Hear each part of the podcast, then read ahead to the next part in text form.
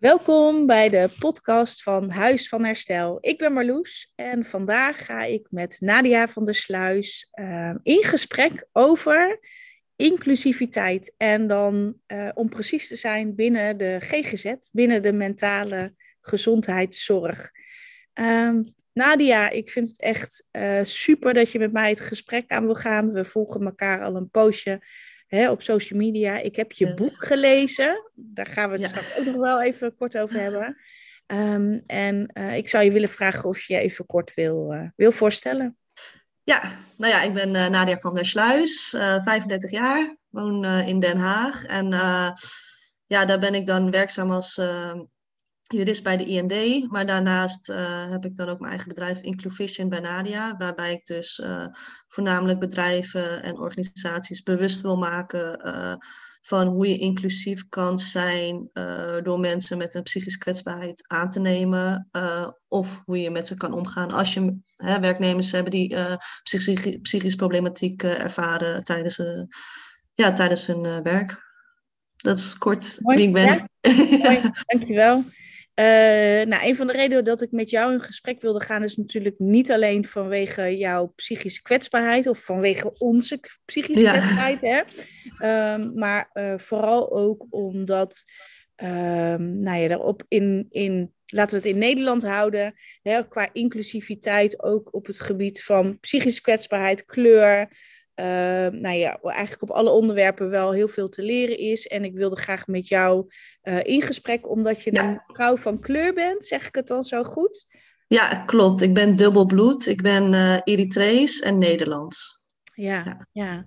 Nou, dankjewel. we hadden het er net al even over voordat, ik, voordat we deze opname gingen starten. Is dat ik, ik als Marloes zijnde, en maar ook als organisatie het een heel belangrijk onderwerp vind. Um, uh, dat er aandacht moet zijn aan meer inclusiviteit, maar dat ik het ook een lastig onderwerp vind. Uh, in de zin, omdat ik als witte vrouw me heel erg bewust ben van alle privileges, maar ook uh, hè, van een bepaalde opvoeding of een bepaalde cultuur, dingen in Nederland. dat ik soms ook wel gewoon bang ben om fouten te maken.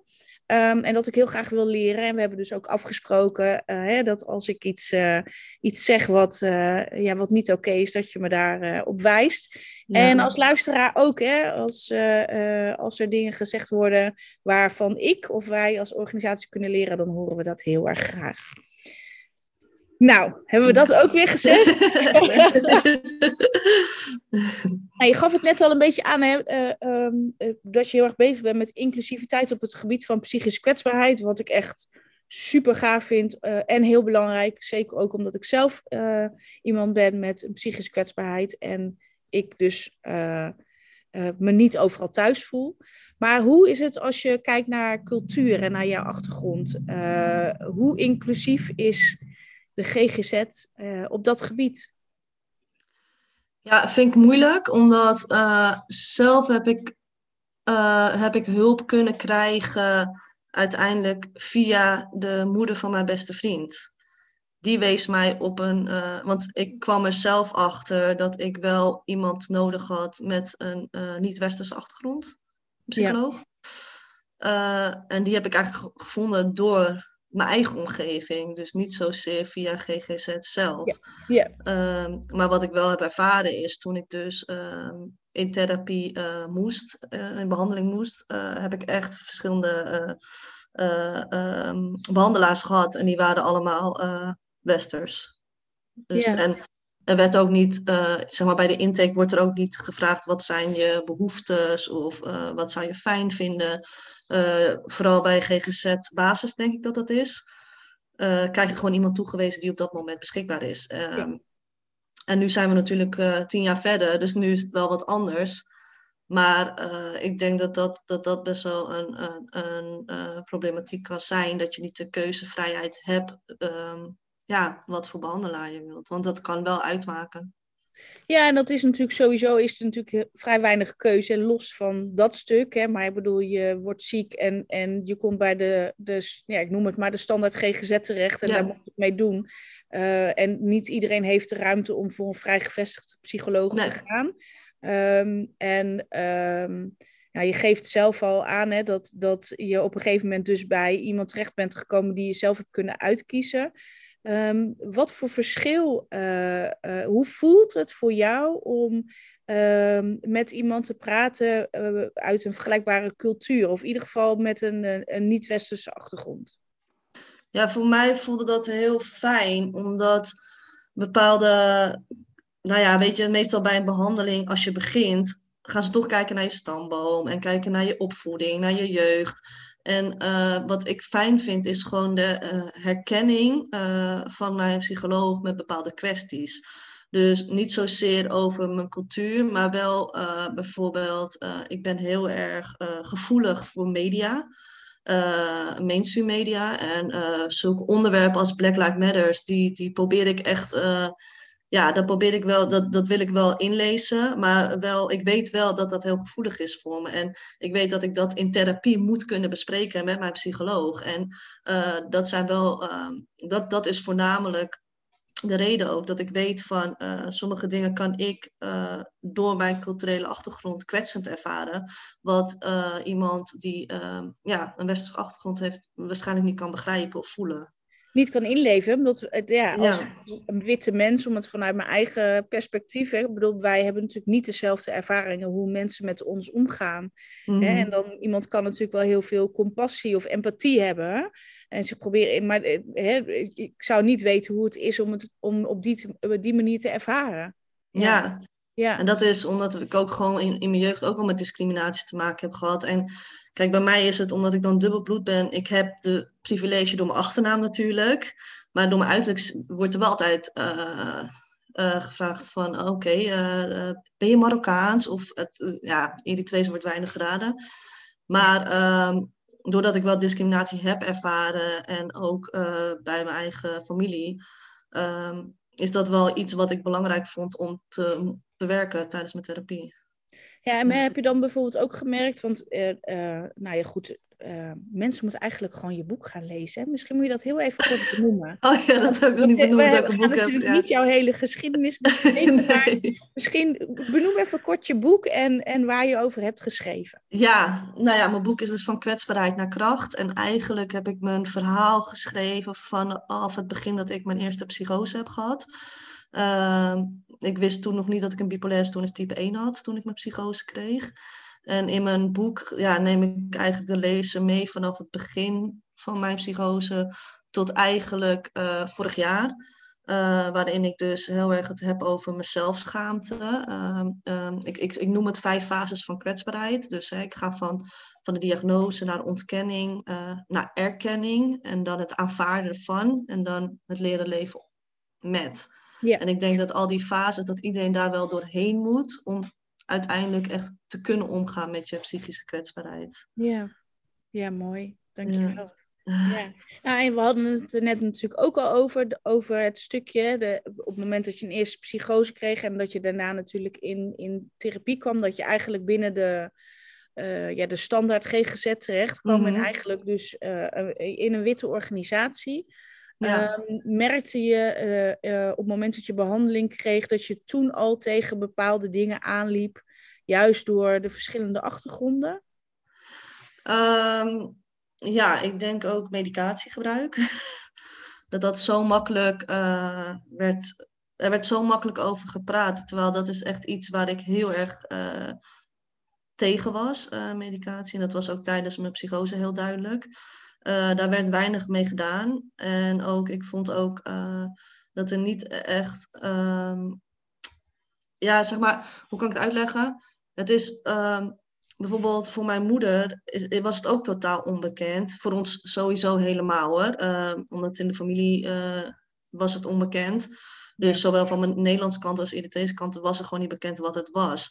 Dus er ontbrak ook gewoon een hele inleiding bij mijn uh, behandeling. Uh, ja. we, we, wisten gewoon eigenlijk niks. En wij hadden alleen maar als, als, als, uh, als, hoe noem je, als doel was gewoon het afbouwen van medicatie. En, en that's it. Meer wilde ik gewoon niet. Nee, dus en... eigenlijk, hè, dan los van cultuur, is dat sowieso dan een ding, hè? Dat als, als je in zo'n situatie terechtkomt en dat jij en je familie eigenlijk van helemaal niks weet, dat er eigenlijk veel meer aandacht moet komen over het hoe gaan we verder? En een uitleg over medicatie en hoe belangrijk het is. En hè, dat, je, uh, um, dat je het beter begrijpt waarom het nodig is. Ja, precies. Want het was best wel een hoge dosis wat ik kreeg. Ja, wat ook logisch is naar wat ik had uh, meegemaakt. Maar um, ik denk dat, dat dat stukje en het leren uh, verwerken van de psychose, dat ontbrak gewoon helemaal. En daarom had ik ook geen vertrouwen uh, erin. En uh, ja, met cultuur, op dat moment was ik er zelf niet bewust van dat ik dat um, aangenaam vond. Terwijl achteraf kon ik dat eigenlijk wel inzien, omdat in Melbourne, want mijn opname was in Melbourne, was mijn behandelaar ook niet westers. Ja. En dat verliep heel fijn. Ja. Dus eigenlijk kon ik, maar ja, op dat moment ben je zo bezig met herstellen en uh, medicatie afbouwen, dat was het doel, dat je daar niet bij nadacht. Uh, totdat ik dus wel de psycholoog vond, ja, wel gespecialiseerd. Um, en dat, vanaf dat moment ging het eigenlijk heel goed. Vanaf dat moment wist ik eigenlijk wat mijn bipolaire stoornis was, uh, kon ik mijn psychose verwerken ja. en kon ik echt leren leven ermee wordt het eigenlijk niet, uh, misschien niet zo serieus genomen worden hoe belangrijk het is om een dusdanige verbinding met iemand te vinden. Um, want als ik, nogmaals, als ik naar mezelf kijk, uh, ik ben mhm. natuurlijk op zoek gegaan, maar de, de keuze, ja, heel stom gezegd, de keuze is reuze op het gebied van witte psychologen. Uh, ja. dus de kans dat ik bij een witte psycholoog terechtkom, ja, dat is eigenlijk heel gewoon of heel groot. Uh, en ik denk daar dus ook niet over na. Dat, dat uh, is niet iets waar ik stil bij sta. Terwijl voor jou natuurlijk de kans veel, uh, veel kleiner is dat jij bij iemand met dezelfde cultuur terechtkomt. Ja. maar is dat dan iets ook waar eigenlijk niet bij stilgestaan wordt? Dat, dat de organisaties eigenlijk niet stilstaan bij het feit wat het voor iemand kan doen om met verschillende achtergronden bij elkaar te komen. Ja, dat denk ik zeker. Want ik denk dat zij meer gericht zijn. Kijk, het is natuurlijk al jaren een problematiek dat er zulke wachtlijsten zijn. Ja. Dus ik denk dat zij het meer, uh, dat er meer wordt gedacht van oké, die is aan de beurt, die is aan de beurt. Er wordt helemaal niet gekeken van. Terwijl als je zou kijken naar van uh, wat heeft iemand nodig, is er echt een klik met diegene. Dan zou de behandeling veel effectiever zijn en waarschijnlijk ook duurzamer. Dan, ja, en, uh, en sneller, ja. ja, dan, dan dat je want ja, ik zie echt veel lotgenoten die altijd maar struggelen met dat ze geen uh, klik vinden. Of dat ze het gevoel hebben dat, dat er niet geluisterd wordt naar ze. Of dat, dat er geen samenwerking is, maar dat de psychiater beslist en zij doen het maar, zeg maar. Hè? Dus niet een eigen regie hebben. Ja, sowieso. Hè, als je kijkt naar wat, wat ik een beetje um, weet en wat we meekrijgen van de GGZ, is het natuurlijk ook gewoon: oké, je krijgt die diagnose, dan pakken we het boek erbij en dan moet die, die behandeling plaatsvinden. Terwijl, ja, het moet eigenlijk op een hele holistische manier naar gekeken worden per persoon. Van oké, wie ben jij en wat heb je nodig? Precies, precies. Uh, inderdaad veel beter kan werken, maar ook veel duurzamer. Want iemand gaat duurzamer herstellen op het moment dat je gewoon uh, de aanpak aanpast aan de, de behoeftes van die persoon. Ja, ja, ja. en heel, veel meer zit op de zelfreflectie, de zelfinzicht, dat die persoon zichzelf echt leert kennen. Juist. En van, oh, nou dit zijn jouw symptomen, kijk maar wat jij eruit uh, kan vissen, wat je, wat jij, waar je echt last van hebt. Dus dan is de kans groot dat je in die symptomen gaat geloven en daarna gaat leven. In de plaats dat je en, en symptoombestrijding hè, met medicatie uh, spelen. Terwijl begin bij het begin en begin bij de, bij de persoon zelf. Wie is die persoon? Wat, wat zijn de triggers? Uh, wat, wat, zijn de, de, de, de, de, handvaten die diegene van zichzelf heeft? Weet je, dat soort dingen. Daar, naar mijn gevoel wordt, wordt daar gewoon aan voorbij gegaan bij GGZ. Ja, dat, dat idee krijgen we ook. En dat is waar wij als organisatie heel erg op inspelen. In de zin van, ja, oké, dan leer je van alles in therapie. En, hè, en daar leer je veel. En, en ook hele goede dingen. Maar hoe pas je dat nu toe? En um, nou, ik zei het voor, dat we, voor de opname starten al heel erg. Hè, onze organisatie is eigenlijk een witte organisatie. Waar ik heel graag verandering in zou willen brengen. Hè, maar we hebben veel te maken dus met witte mensen. Uh, maar we hebben wel uh, ook uh, vrouwen met een andere achtergrond mm. bij ons gehad.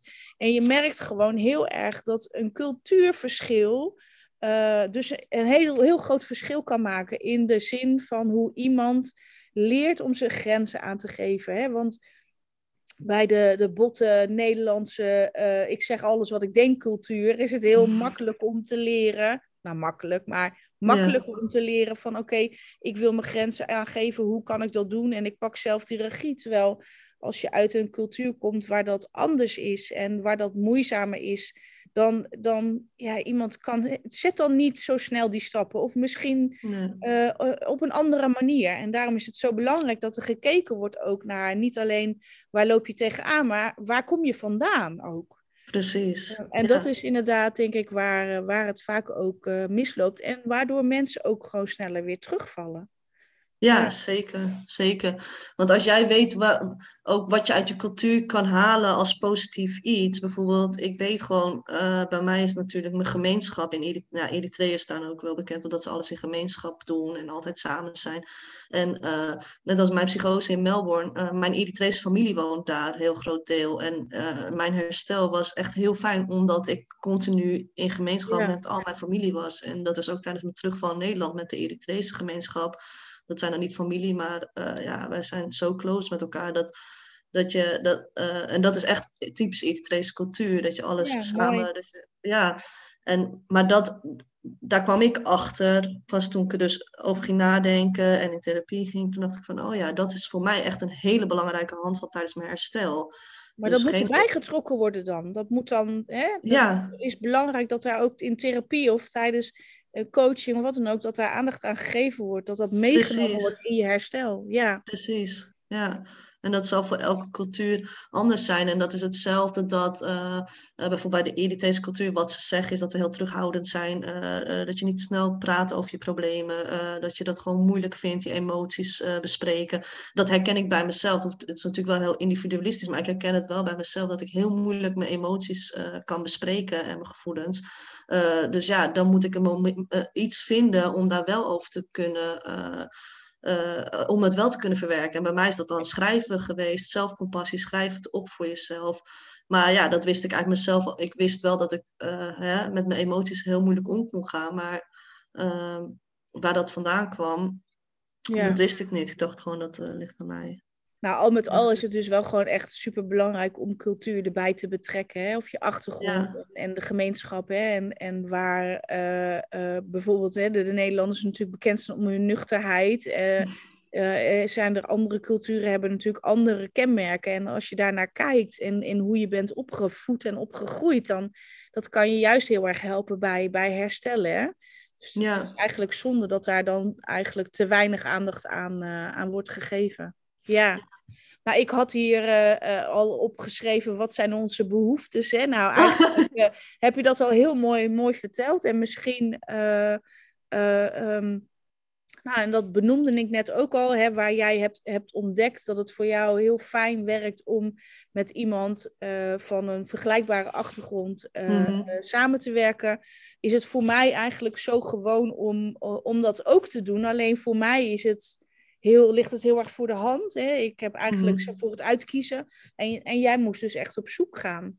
Uh, ja. Dus hè, de, dat is natuurlijk ook wel uh, lastig, denk ik. Dat als je uh, dus uitvalt. Um, ja, hoe kom je dan aan de juiste, juiste persoon? Hè? Dus als de organisaties het dus niet eigenlijk voor je uitzoeken, hè, zouden dan misschien bij de huisarts uh, meer bekend moeten zijn over uh, psychologen van kleur bijvoorbeeld, of van diverse achtergronden, culturen. Ja, en het ligt natuurlijk ook aan waar je woont, hè, denk ik. Ik kwam ja. dan uit, uit Hoorn, een dorp, best wel uh, een witte dorp. Ja. En toevallig, de meeste vrienden die ik heb zijn of dubbelbloed of hebben een andere achtergrond. Dus daarom, de, de uh, moeder van mijn beste vriend was uh, Surinaams. Dus zij kende toevallig weer een Surinaamse. Yeah. Uh, dus dan gaat het balletje wel rollen. Maar ik weet wel dat ze nu, ja, we zijn nu verder met eh, alles. Dat ze nu wel een app hebben, Minter, volgens mij. Ja. En daarop kan je wel je behoeftes en je keuze uh, nog gedetailleerder. Dus ook als je bijvoorbeeld ADD hebt of een bipolaire stoornis, dat je dat zelfs kan aangeven. Oké. En dat je daarop ook kan aangeven, dus of je iemand met een niet-westerse achtergrond als. Uh, ja, wat goed. Ja. Ja. ja, ik zie het ook wel vaak op uh, social media voorbij komen, inderdaad. Ik volg natuurlijk heel veel mensen met, uh, met een psychische kwetsbaarheid, of mm -hmm. hè, die daarmee te maken hebben, of werken in de, in de ja, de GGZ of de, in de zorg. Uh, dat inderdaad een oproepje voor, voor mensen inderdaad van kleur bijvoorbeeld, of ja, niet-westerse achtergrond, hoe je het wil omschrijven.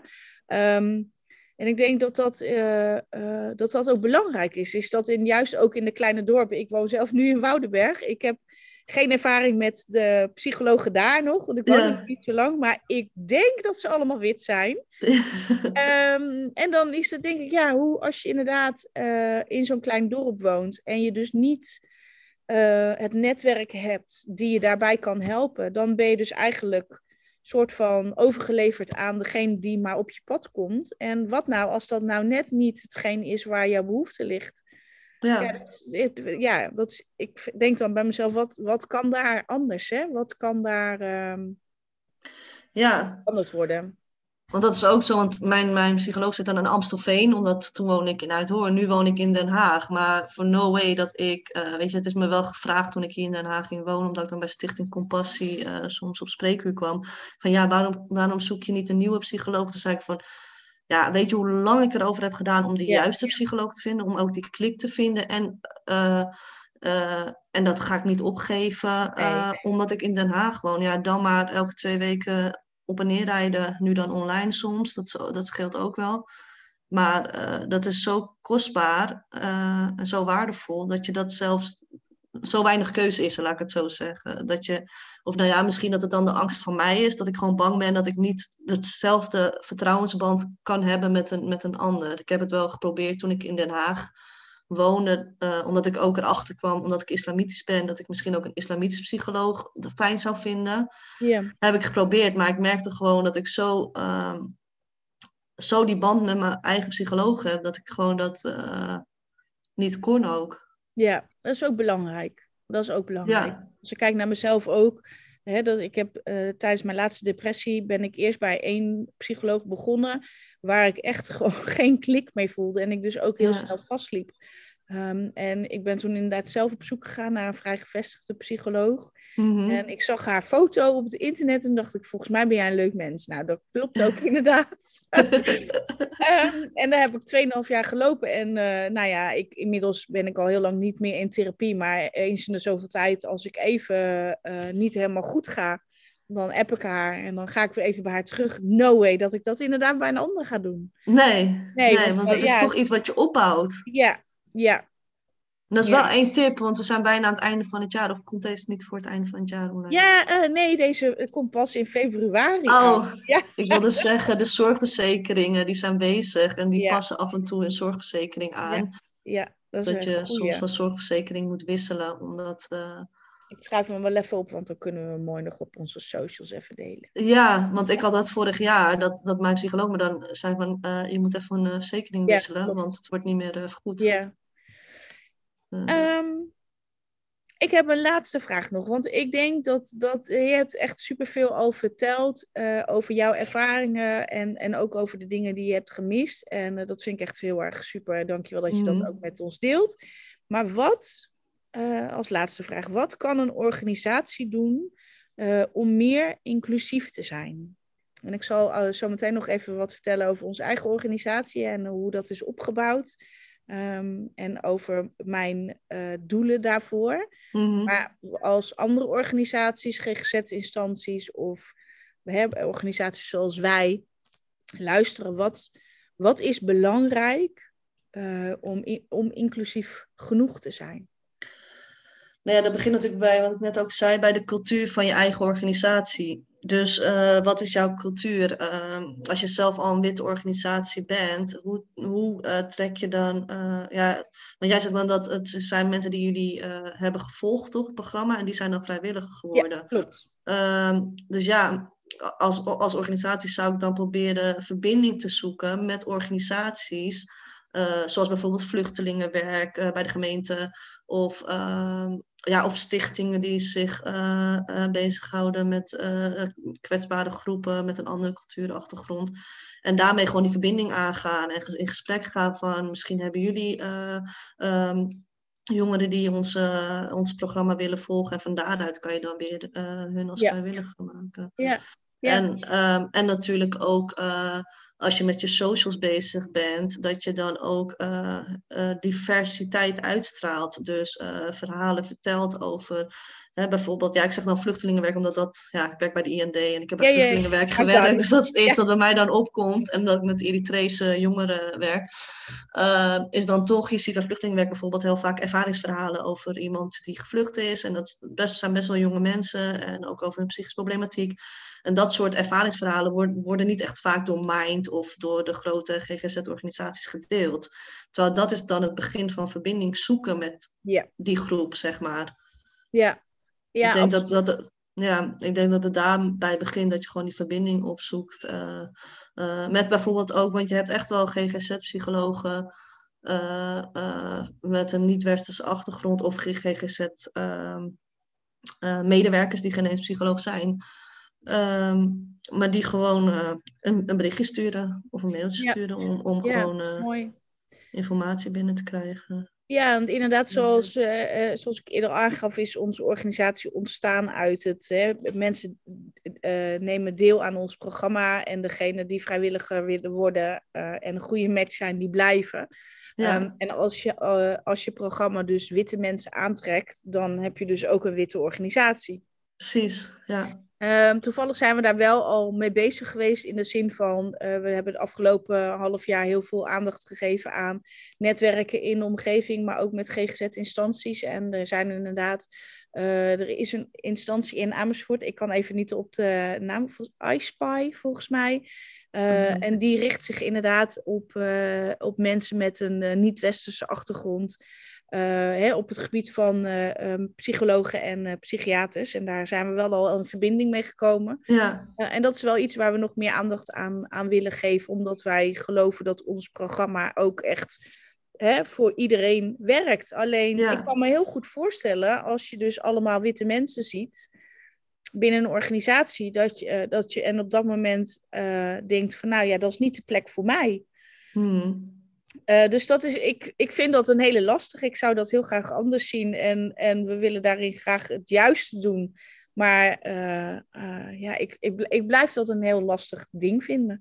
En ja. het, het, het, is goed wat je aangeeft, hè? dus proberen contact te leggen met organisaties die daar hè, met andere culturen te maken hebben, dat dat een hele belangrijke is. En die neem ik ook zeker mee. Ja, of misschien als je als, als, als, als, eh, als je stage, stagiaires, als je, eh, als je in ieder geval ruimte hebt voor stagiaires, uh, um, uh, die dan niet het programma hebben gevolgd, maar die wel stage willen lopen, uh, daar zijn er ook wel genoeg van, denk ik, die dan... Ja, ja zeker. We hebben stagiaires op alle groepen. We hebben momenteel drie oh, stagiaires lopen, maar ook daarvoor geldt natuurlijk, hè, degene die zich aanmelden daar uh, ja. En die, hè, die, passen binnen het programma. Dus daar, ja. ja. over het algemeen ook dat is zijn, melden zich eigenlijk alleen maar witte stagiaires aan. Ja. Dus uh, er is iets waar we, waar we meer aandacht aan moeten gaan geven in ieder geval. Um, ik wil je heel erg bedanken voor, voor het fijne gesprek. Ik vond, vind het heel Jij ook bedankt een keer nou zo ontmoet. ja, en dat we elkaar een keer kunnen zien praten. Ehm, en uh, ik denk dat dit, uh, dit heel erg gaat helpen ook om meer bewustzijn te creëren, in ieder geval bij, uh, bij onze volgers. Eh, en ho hopelijk ook bij de instanties die, die ons volgen en die dit zullen luisteren. Um, ik heb er in ieder geval weer heel veel van geleerd en ik ga dat meenemen binnen onze eigen organisatie. En um, ja, dankjewel voor jouw bijdrage. Ja. Jij bedankt ook voor het vragen. Ja, en, en uh, nou, we houden contact sowieso. Ja, sowieso. En, uh, luisteraars, ook weer bedankt voor het luisteren. Ik ben echt heel erg benieuwd wat jullie van deze podcast vinden. Uh, we horen het heel erg graag en tot de volgende keer. Doeg!